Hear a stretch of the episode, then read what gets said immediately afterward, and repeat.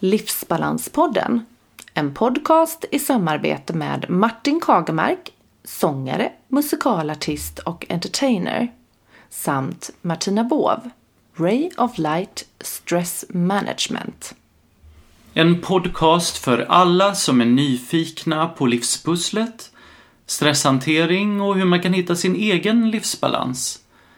Spännande gäster och mycket intressanta ämnen inslagna i både råa, karga paket, likväl som mjuka, kärleksfulla papper. Hur ska vi leva våra liv i balans i en samtid som ständigt påminner oss om förbättringar, effektiviseringar och jäkt för att få vår viktiga livsbalans?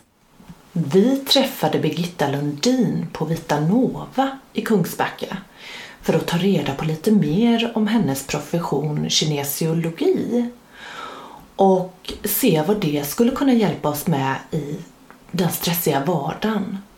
Vi får även hennes tips på hur man kan leva sitt liv i balans. Nu kör vi! Livsbalanspodden presenteras i samarbete med Sverigehälsan, landets ledande utbildningar inom stresshantering, friskvård, kost och hälsa. Läs mer på sverigehalsan.se.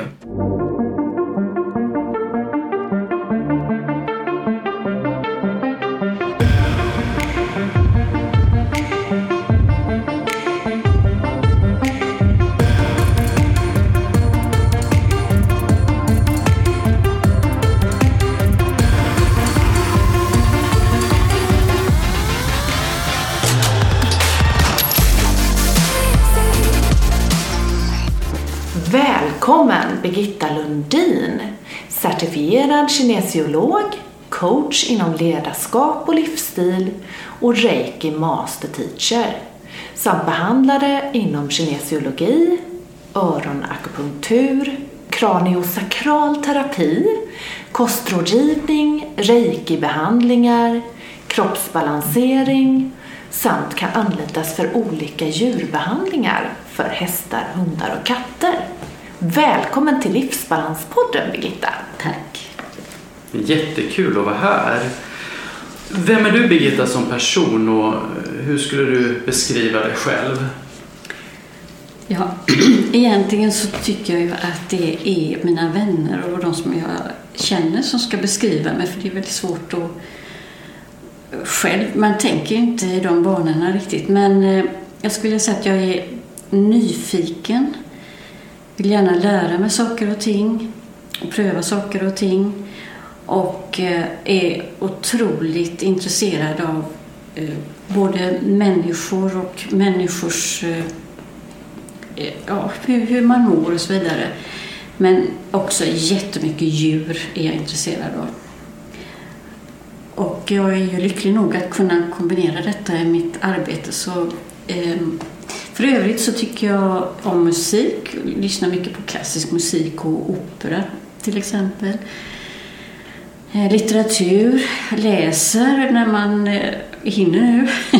Det är inte så att eh, jag har för lite tid men jag tycker att jag börjar bli lite långsam nu. Det går inte så fort att läsa längre. Men ja, ehm, för det mesta glad person känner jag. Social kanske man ska tillägga också. Vad härligt. Och hur kom du in på arbetet med kinesologi och kroppsbalansering och vad var det avgörande för dig? Ja, eh, jag har jobbat en stor del av eh, mitt liv med medicinteknik. Inte så att jag satt och tillverkade saker men jag har marknadsfört tekniska produkter för att lösa sjukdomsproblem om man säger så. Så att jag har jobbat väldigt mycket inom skolmedicinen och eh, gått baskurser då i anatomi och alltihopa detta. Så jobbade jag också och fick kontakt med patienter och då kände jag bara att det saknas någonting. Man måste ha hela människan med. Och så har jag tänkt länge men sen fick jag en möjlighet att sätta det i verket, att verkligen läsa in som kinesiologi då och eh, lite andra grejer. Så så började det. Och eh, då blir det ju komplementärmedicin då som blir slutändan. Men jag använder ju väldigt mycket också detta då att jag står ju med en fot i den här vetenskapliga Så att jag vill ju väldigt gärna ha vetenskapliga bevis för att det funkar.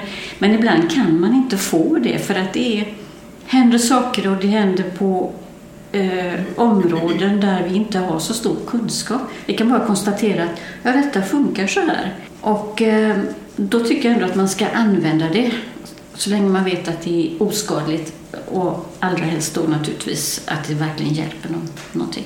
Så att allt kan man ju inte veta att det ska funka. Nej. Birgitta, kan du eh, berätta lite mer om bakgrunden till kinesiologi och var kommer den ifrån från början? Ja, eh, många tror ju att det kommer från Kina då, eftersom det heter kinesiologi. Men det kommer sig av orden kinesin, som betyder rörelse, och logi, då lära. Och rörelselära, för mig är det energins väg i en sloppar. Men för väldigt många är det rent rörelse. Som de som startade det hela var fysioterapeuter och för dem var det ju rörelse i kroppen mm. som var det hela. Men det passar väldigt bra in även med eh, rörelse inom energier i kroppen. För det är det man får lära sig. Så här känns det när man har bra flöde, så här är det när det är stopp någonstans. Så det kommer från USA, men vad man har gjort det är att man har kombinerat de rönen man har. Detta kom på 60-talet och de rönen man hade då, men nu, det kompletteras ju hela tiden med nya upptäckter och sånt forskning. Man kompletterar det med gamla sanningar som man vet om. Till exempel det här med akupunktur och hur de här meridianerna, energibanorna i kroppen går.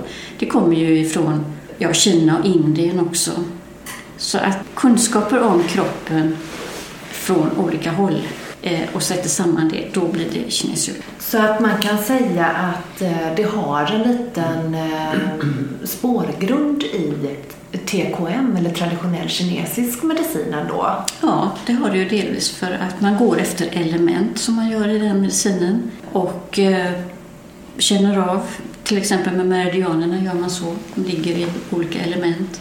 Men den, meridianerna det är ju det man upptäckte för länge sedan i den asiatiska medicinen kan man säga då. Mm. Sen har man då applicerat det på framförallt idrottsmän för att eftersom de var fysioterapeuter de här så jobbade de med idrottsmän mm. mycket. Så det var mycket näring och det var mycket muskler. Men allt eftersom de jobbade så kom de in på annat också som kompletterade deras bild av människan allt, allt, allt hänger ihop. Så man kan inte göra någonting med sin kropp som inte får yttringar på andra delar av kroppen som man kanske inte alls tänker på. Mm. Så det är verkligen eh, att man tar upp sammanhang och det tycker jag Och vilka kan du säga är dina viktigaste uppgifter i rollen som kinesiolog? Då skulle jag vilja säga att det är just detta att gå igenom hur flödet av energi är i kroppen.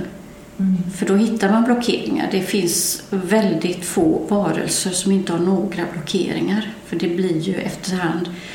Faktum är att rörelseblockeringar i muskler och sånt där, det får vi redan när vi börjar krypa. För då har vi redan lagt in en annan rörelse som är individuell då. Så att varje barn har sin egen. Men Eh, är man så liten så sköter kroppen det väldigt bra själv. Mm. Det gör det även när man är vuxen, eller ska göra det. Men då kommer det här in som att vi själva blockerar med tankar och sånt där. Mm. Vilka tillstånd, symptom behandlar du? Jag behandlar ju inte symptom utan folk kommer till mig med symptom. Men jag går in och letar vad är orsaken till det symptomet. Eller orsakerna, för det är ju sällan att det är en bara. Mm. Och så försöker jag att behandla det genom att ta bort det som är blockerat. För att det är alltid blockeringar med i ett sjukdomstillstånd. För har vi fritt flöde av energin som vi ska ha, ja, då blir vi inte sjuka. Ja, alltså det är ju skillnad på att gå till en läkare då. Där de bara, man får en tablett. Jo, det... Och eh, det är ju inte orsaken där då, tycker inte jag. Nej, det Nej. finns säkert eh, många läkare som letar efter orsak. För jag Ja. menar, de är ju kunniga. Men problemet är ju att de måste hålla sig inom vissa ramar. Och framför allt att de har inte tiden. De kan inte ta sig tid med en timme varje patient Nej. att gå igenom. Utan de tittar, det här är symptomet, ja då brukar det vara det som är orsaken. Då ger vi en medicin som tar bort symptomet. Så att de är ju utlämnade för det. Ja, det och jag menar en, en person som har flera ol, ol, olika grejer i, som har många, många olika problem har, ju inte, de har ju inte tiden. Nej. Nej, och de får ju kanske en medicin för varje symptom. Ja. Men det hör ju ihop. Så hittar man orsaken så behöver man bara behandla den och då försvinner alla symptomen. Och så går de bara till det primära först och sen så, ja. Ja. Men det är ju tyvärr så nu och många är ju utlämnade till detta. För att eh, ska man gå till komplementärmedicinen så är det ju privata. ja. Och det har inte alla råd med, det förstår jag. Mm. Tyvärr ser det ju ut så idag. Ja. Men till en viss del så eh, bekostar väl sjukvården eh, komplementärmedicin? En del. Mm. Och eh, jag är så lycklig för att kinesiologi just är klassat som friskvård hos Skatteverket. Mm. Så har man hos sin arbetsgivare friskvårdsbidrag som man kallar det, det heter väl kanske något annat nu men då kan man använda det till att bli behandlad med kinesiologi. Det är ju jättebra. Det är ju jättebra och det är ju inte alla som vet. Nej, Nej. Så det är mycket att ta reda på själv. ja, det är ju det man får göra. Mm. Det är det man får Ja. göra. Kan man bota smärta med kinesologibehandling? Ja, eh, alltså om du menar bota för all framtid så kan jag ju inte garantera det. Och det tror jag inte någon kan. Men det är samma sak där. Om man hittar orsaken till smärtan så kan man gå på det. Och så använder man olika metoder för att få bort det. Men ofta handlar det också om hur man rör sig. Om man rör sig felaktigt eller om man har spänningar i höfter till exempel så kan det hända att man belastar ryggen fel och så vidare och då kan man ju få jätteont. Mm. Men eh, hittar man orsaken så försvinner så småningom symptomet i de flesta fall. Och smärta, nervsmärta och sånt där är ju mycket besvärligare. Men om man pratar om kraniosakral terapi som jag också gör, då går man in på centrala nervsystemet utifrån väldigt försiktigt och känner av. Då kan man lyckas få bort mycket smärta den vägen. Men som sagt, allting handlar om att hitta orsaken. Gå inte och försök bara ta bort symptomet utan hitta orsaken så att det stannar borta. Men där i ingår då att då måste man tala om att eh, du ska röra dig på det här sättet nu. Du ska inte komma tillbaka till gamla rörelsemönster, spänna axlar och sånt där till exempel som vi gör när vi sitter lutade över datorerna och så. Utan att man får ändra sig också. Likadant om det är någonting som ligger bakom att man har någon näringsbrist eller något. Eh, Då får man ju ta itu med det om man får ta det för att det här är ingen quick fix. Man kommer inte hit och så går man ut helt frisk sen utan man har fått en grund. Eh, Så detta är hjälp till självhjälp kan man säga. Men man pekar på orsakerna så att man blir medveten om dem. Och vad skulle du säga då är den vanligaste orsaken till att folk anlitar dig? Som det är nu så är det ju helt, ja, det är helt garanterat stress. Ja, det är det alltså. Ja, det är det. För att de kommer för stress och de kommer för att de är trötta och de säger själva att det är nog för att jag stressar. Så jättesvårt nu att få ihop sitt livspussel. Men det behöver inte alltid vara en yttre stress. För att vi säger också att kroppen är stressad om cellerna är stressade. Och de blir stressade om de upplever en brist. Näringsbrist till exempel. Eller någonting annat. De blir stressade också om de känner att här, vi är på fel plats. Nu är det inte så att de tänker så här förklart. Men, men eh, lite grann så. De känner sig inte hemma, det blir en press. Eller blir ingen flöde genom cellen. Då blir de stressade. Och det visar sig oftast i solarplexus, chakrat, centrum, energicentrum solarplexus. Så jag kallar det stresschakrat. Och de flesta som kommer hit har faktiskt det ur balans. Och då vet jag, då är det stress i kroppen någonstans. Och då är det ju att följa flödet. Hur är det med energierna? Var sitter det blockeringar och så vidare. Men de känner i alla fall att de är stressade. De säger jag känner mig stressad. Ja, Ofta då. ja Mm. det gör de. Och eh, de säger ofta då jag kan inte sova för jag har alla tankarna som flyger. Jag kan inte somna. Och när jag vaknar så somnar jag inte om och så vidare. Och det är ju en stress såklart. Mm. Är du den första eh, som de ofta kommer till då eller kan det vara så att Det de har vet varit- jag inte. Det vet Nej. jag inte. Jag, jag tror de flesta söker nog eh, på någon vårdcentral i alla fall. Ja, innan de kommer hit då Ja, dig. eh, det gör de nog. Om de inte är medvetna om komplementärmedicin. Mm.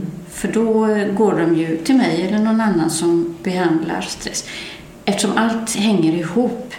Så jag menar nu, samtalsterapi kan man ju också lösa stress med. Göra människor uppmärksamma på varför de blir stressade och så vidare. Så att det är ju inte bara kinesiologi, men det är ett väldigt bekvämt, bekvämt sätt att bli av med blockeringar som stressar. För att man behöver ju jobba själv när man har fått bort blockeringar. Så att det är ju inte så att man bara kan komma hit och sen går man ut som en ny människa. Det kan hända om man har fått ryggskott, det har jag sett några gånger. Kommer in som en fällkniv och sen kan man, det blir ju så typiskt med muskler där. Så kan man resa sig upp sen då. Och det är ju en låsning då. Och det är ett snällt sätt att låsa upp en låsning. Väldigt, eh, finns många duktiga kiropraktiker, eller ki- kiropraktorer säger man nog tror jag. Men de bryter ju gärna upp låsningar. Och då protesterar ju vännen ofta. Och så får man gå flera gånger, men de får ju loss det. Och de kan få loss det på en enda gång också. Men detta är ett väldigt snällt sätt att ta bort låsningar. Och det heter egentligen då, det som jag gör kraniosakralt, kraniosakral osteopati. Så att det hör ihop med osteopatin där man är, tar bort låsningar men på ett mer mildare sätt kan man ju säga än kiropraktik. Och på vilket sätt kan du hjälpa människor till förändring? Det är just detta Mm. att jag kan tala om, om du gör så här så kommer det att bli bättre. Men det finns inget som är så svårt som att ändra en vana eller ett mönster. För det går jättebra när de är klara med det rent mentalt här. Men sen kommer de ju in i sin vanliga vardagslunk. Och ska man ändra sig själv, till exempel ändra kost och sånt där, ja då blir ju hela familjen inblandad. Och det är inte lätt. Men det är eh, ett absolut krav att man måste jobba med sig själv för annars så kommer det tillbaka igen. Eh, Men så där kan det vara lite tufft. Men eh, då är det ju det här som är känt att ska man ändra på ett mönster så kan man inte bara säga jag ska inte göra så. Utan man måste göra något annat istället så att man ersätter det. Så är vi funtade. Tar vi bort ett mönster, det får inte bli något tomrum, vi måste ha ett annat mönster in då istället. Men då kan man ju välja ett som fungerar bättre för oss. Vad innebär en hälsosam livsstil ur ditt perspektiv som kinesiolog? Ja, det är ju detta. Det, som är väldigt lätt att titta på med en gång, det är ju kosten då. Och att man tar sig tid, planerar in att man faktiskt kan äta i lugn och ro. Och gärna bra kost då. Sen får man ju naturligtvis unna sig, som jag brukar säga, lite sötsaker då och då och så vidare. Men grunden ska vara att man äter bra och äter lugnt för att maten måste tas upp i lugn och ro.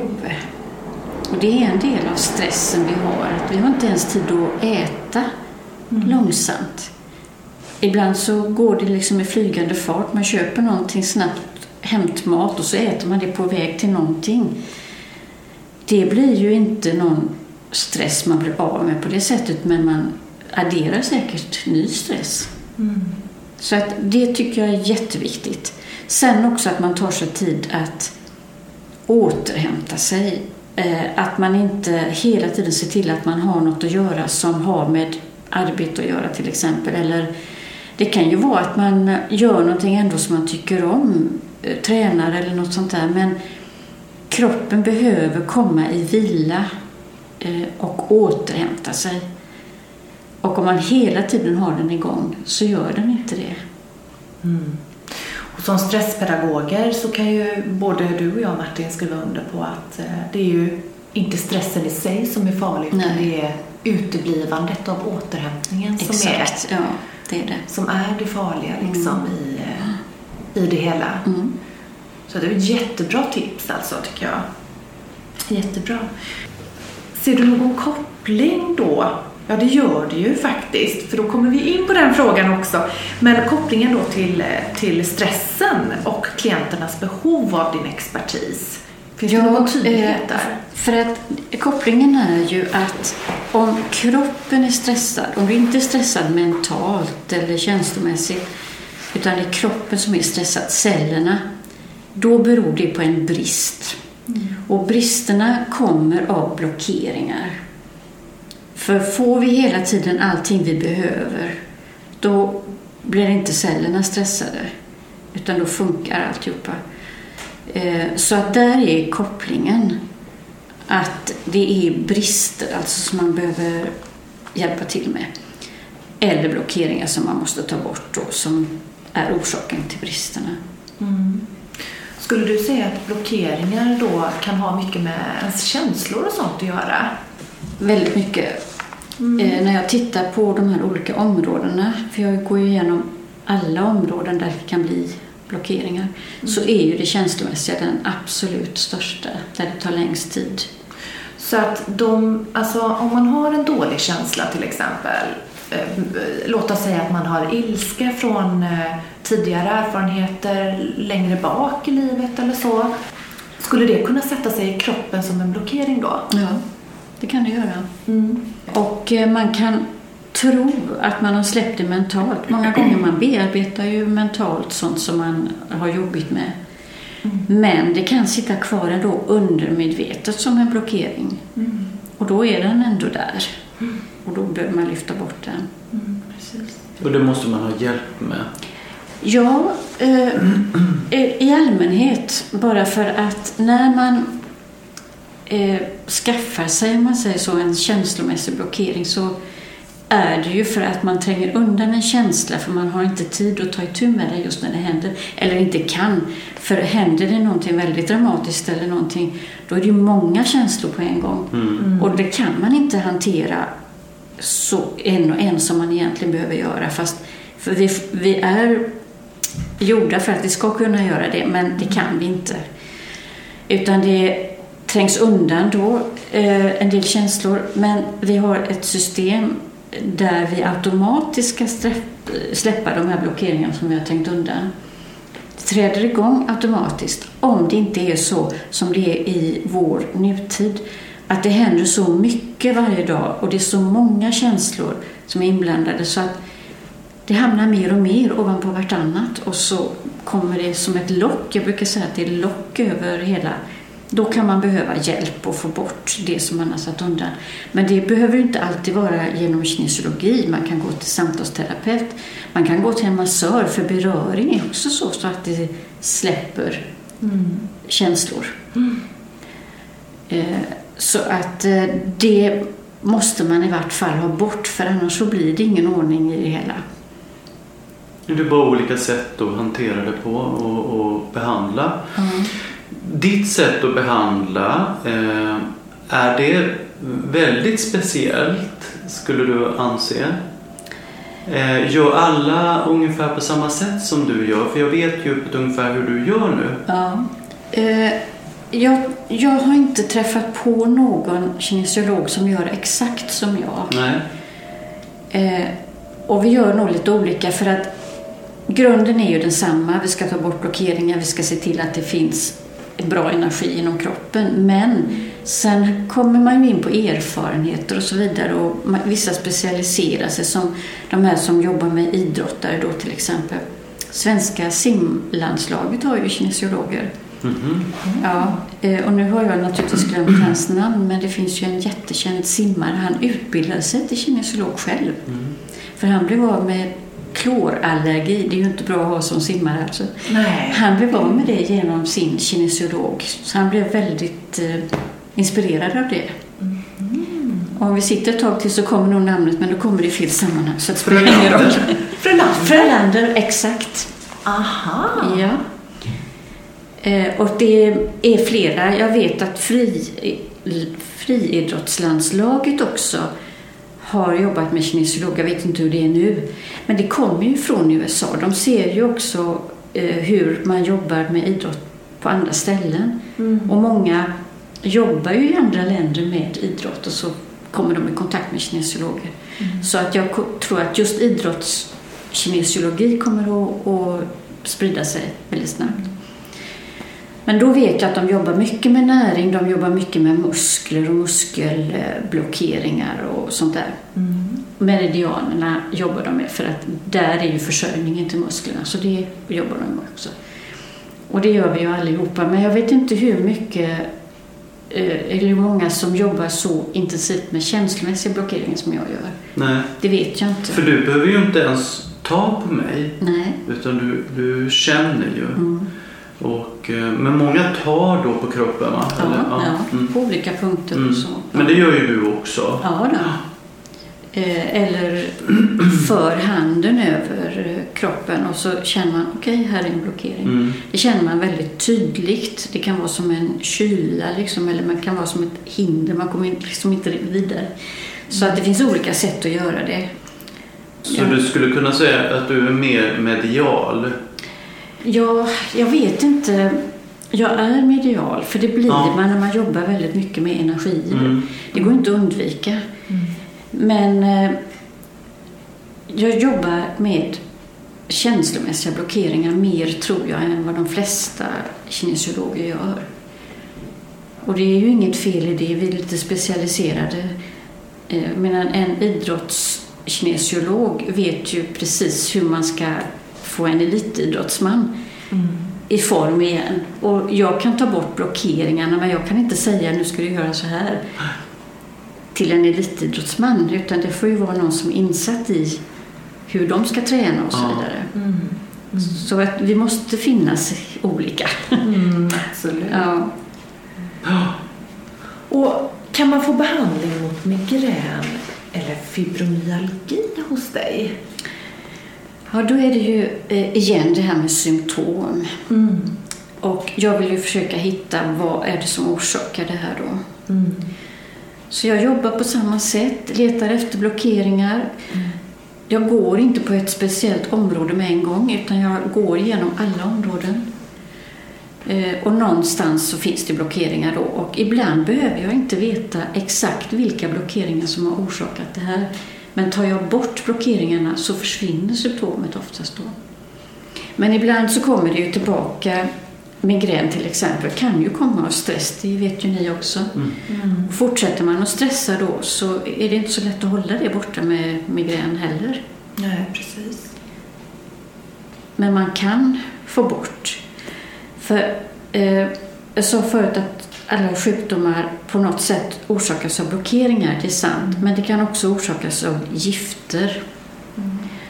Blockeringar och gifter, eh, brist, brister. Men där blir det blockeringar av brister om man säger så. Det är bra. Men gifter ger blockeringar och orsakar sjukdomar också. Toxiner. Är det, menar du miljögifter eller eh, eh, vad för typ av gifter tänker du då? Jag tänker mycket på eh, ja, alkohol, om det blir för mycket naturligtvis. Det är ju som alla gifter med. Men även tobak är ju gift och droger. Till varje sjukdom vi har så finns det en naturlig lösning. Det är bara att komma på den. Det kunde man mycket förr. De här kloka gubbarna och gummorna, de kunde det. De hämtade mediciner från naturen. Det gör man nu med de flesta. De gamla medicinmännen menar du? Ja, precis. Det är de orsakerna som jag letar efter. Finns det här något gift i kroppen? Finns det någon brist på någonting? Det, det är det egentligen. som orsakar sjukdomar. Jag menar utomlands så jobbar ju läkarna med naturliga ämnen också. Plus läkemedel också. För det, det är ju, detta är ju komplementärmedicin, det är inte alternativ.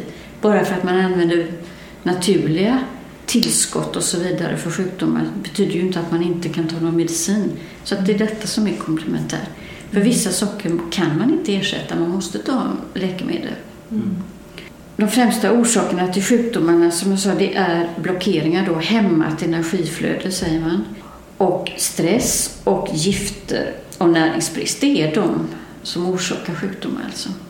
Mm. Skador är en annan sak, att man blir skadad. Och sen beror det ju på hur känslig man är som person också med Ja. blockeringar.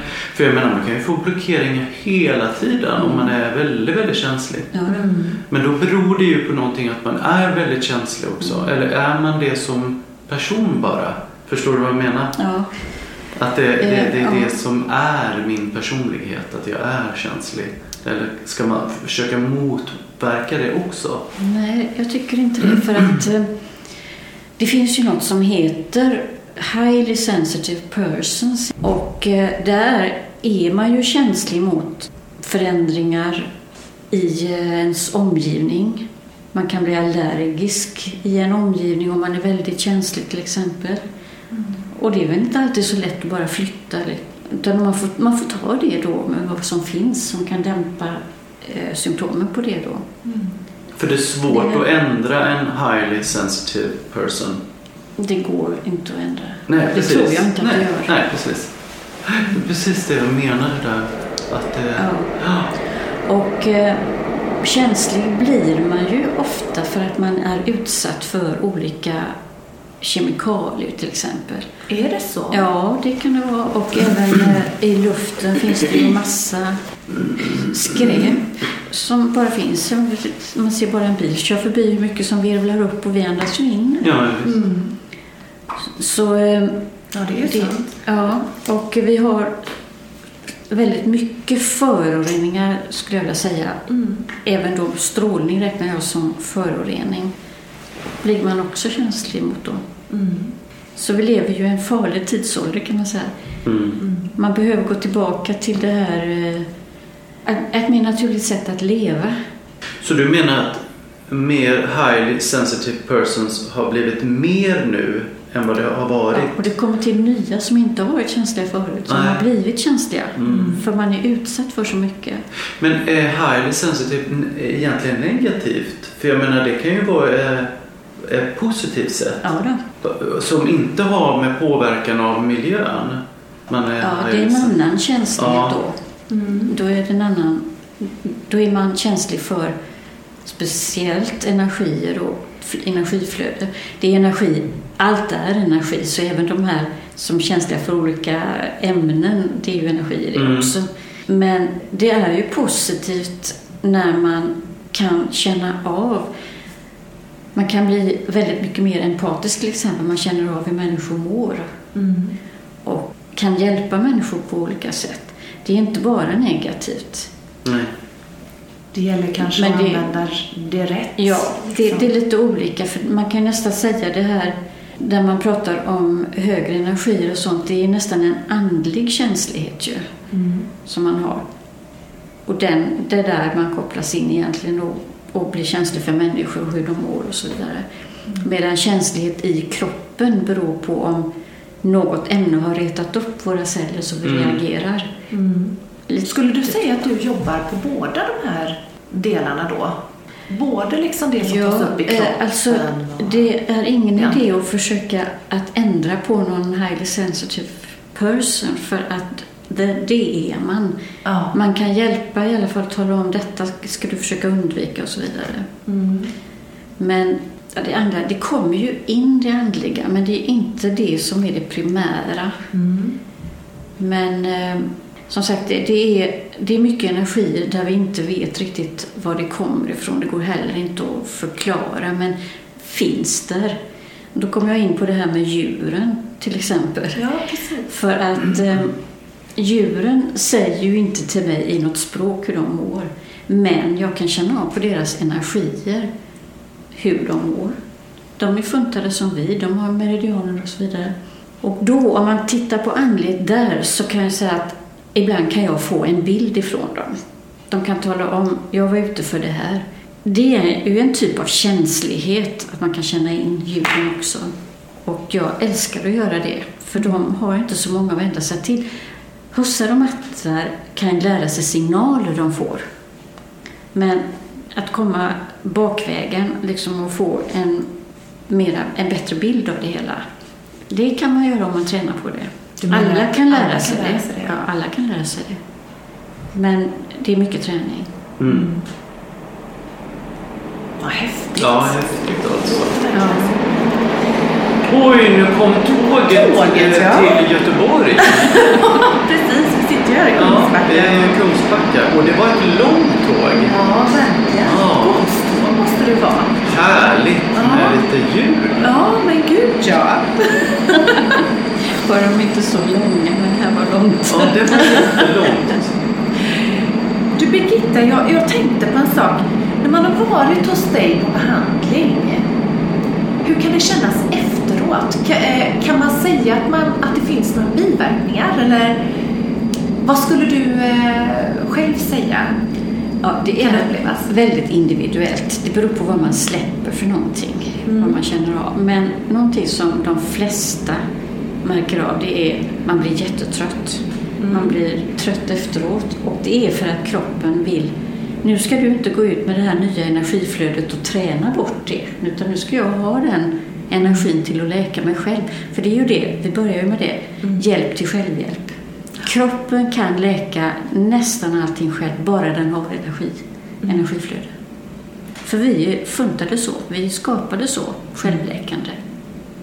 Man blir jättetrött och då ska man vila ett par timmar, inte göra någonting ansträngande. Ut och promenera och sånt där går ju jättebra, men man blir ganska trött så man somnar oftast när man kommer hem och det är bara bra. Det är Mm. återhämtning Mm. och kroppen får jobba på det som man har släppt loss nu då, den energin.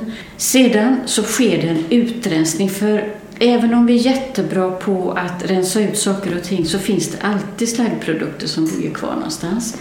Och det kommer oftast ut när man går på toaletten så ett, ett dygn ungefär får man springa rätt mycket på toaletten. Även om man är renlevnadsman så finns det där. Eh, Så det är det som man brukar få. Eh, Sen finns det en del som börjar släppa det här jag pratade om automatiskt då. Eh, Alla släpper automatiskt sen för att jag slutar när jag känner att det kommer igång automatiskt och då, då ska kroppen sköta det själv. Men en del människor känner känslan som de släpper. Det är ju en känsla som är blockerad som man släpper. Och en del känner den känslan igen och då kan det bli jätterörigt för då kan man bli arg, man kan bli ledsen, man kan vara glad också och fattar inte varför man känner så för det är ingenting som händer som eh, motiverar att man ska känna så. Så det kan ju uppkomma också då. Men jag berättar detta alltid för att man ska vara beredd. Alla saker behöver inte komma men trötthet och att man får gå mycket på toaletten det är nästan obligatoriskt. Och det kan man ju se som biverkningar men det är det ju egentligen inte för att Nej. det är ju bara att få bort ytterligare. Men är känslan en repris hela tiden som kroppen försöker arbeta bort då? Eller har, varför går inte den bort direkt? Eh, det går bort. Eh, det som du släpper i behandling, det försvinner ju direkt. Men när vi har fått bort det som har blockerat det som du kan släppa själv automatiskt, då kommer ju den automatfunktionen igång. Okej. Och det är de känslorna då som kommer sen som du kanske kan känna av. Mm. För att här eh, när man behandlar då kan ju folk börja gråta eller så här bara för att det kommer upp ett minne som är en blockering som hör ihop med ett minne som är ledsamt då.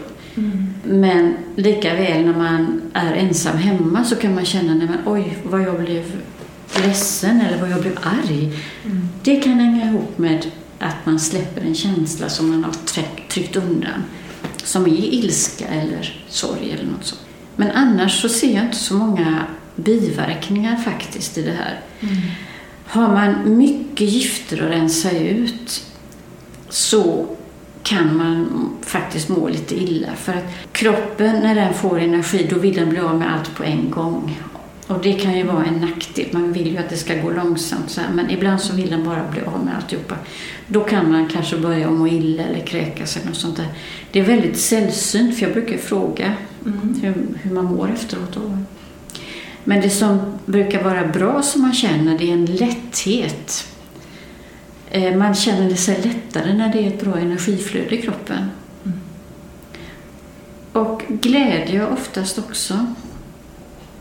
För är, är en celler glada så är man glad själv också. Mm. Fast man vet inte om det.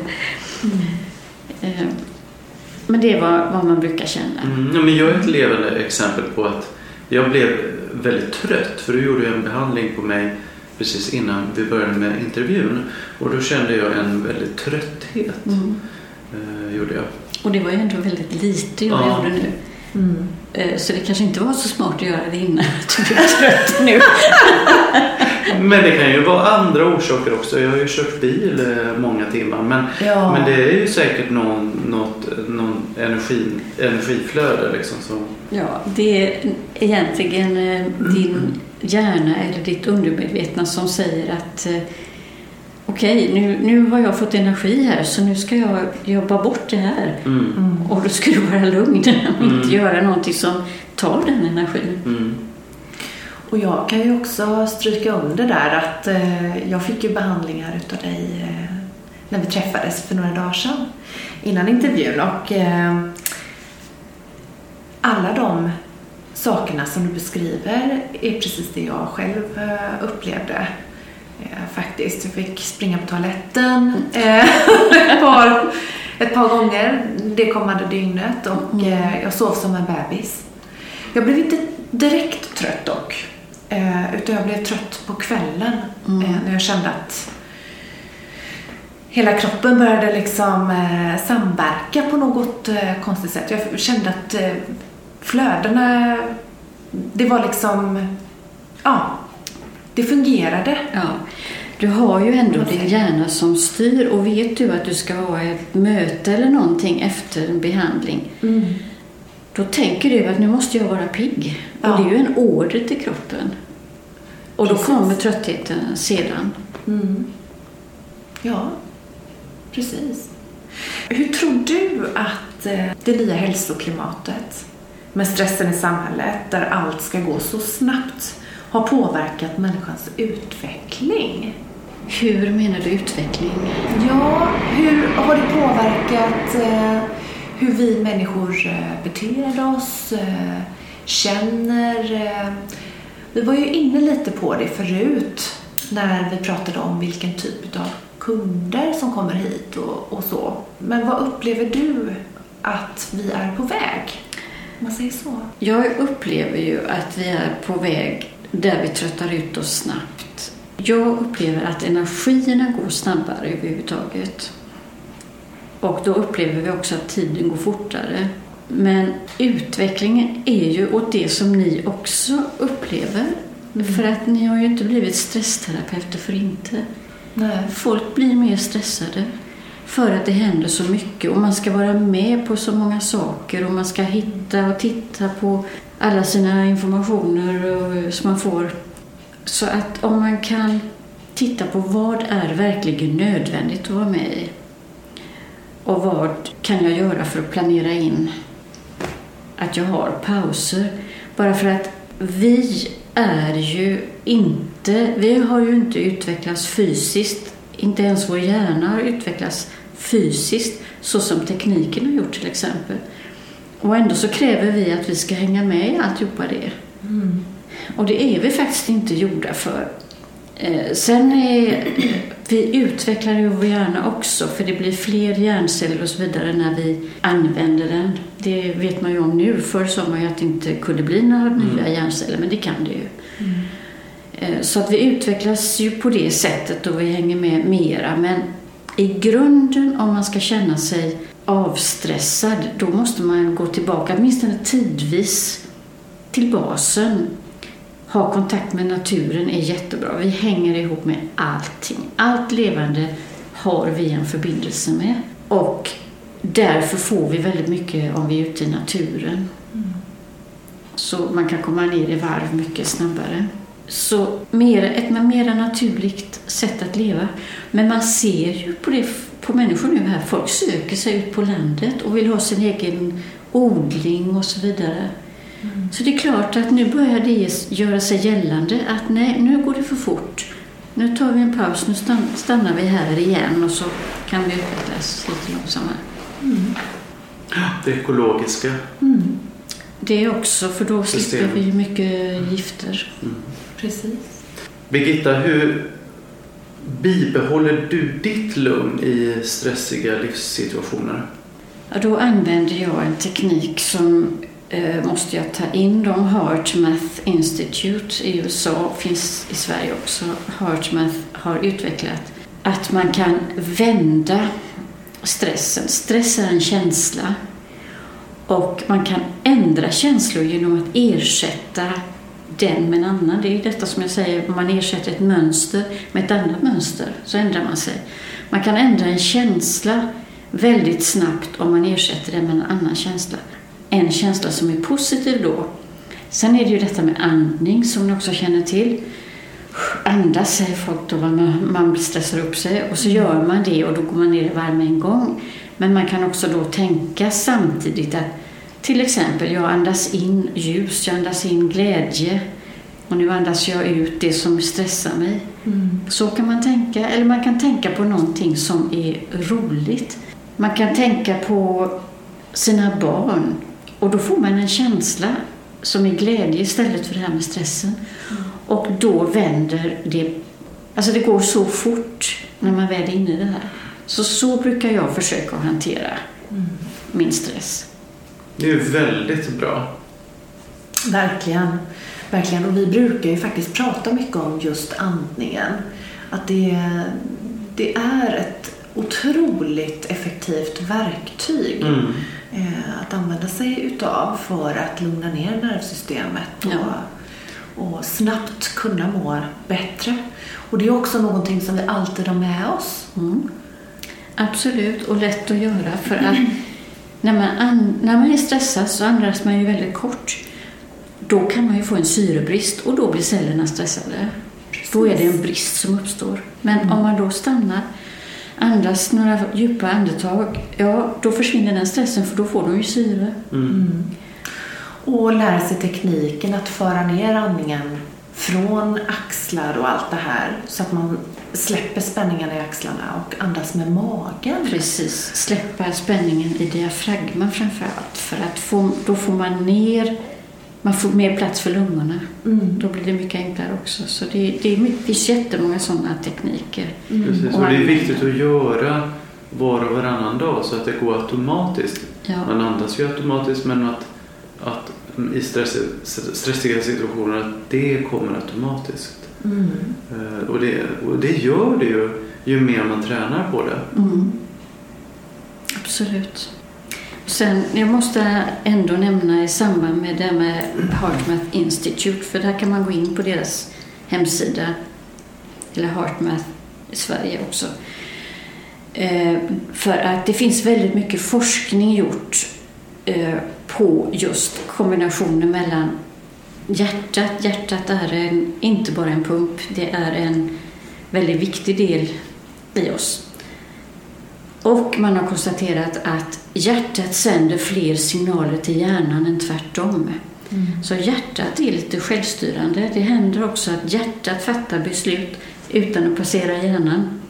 Och det är en fantastisk forskning de har gjort på det här institutet där både kardiologer, alltså hjärtläkare och neurologer, nervläkare om man ska kalla det, eller nervforskare, mm. jobbar samman. Mm. Så det börjar det här nu att, eller det har, det har varit länge, men man får mer och mer bevis för att allt hänger ihop och det tycker jag är så himla roligt. Mm. mm. Att det går inte att ta ut en liten del här och behandla den för att resten är kvar. Ja, precis. Ja. Vad har du för tips till våra lyssnare om eh, hur man kan leva sitt liv i balans?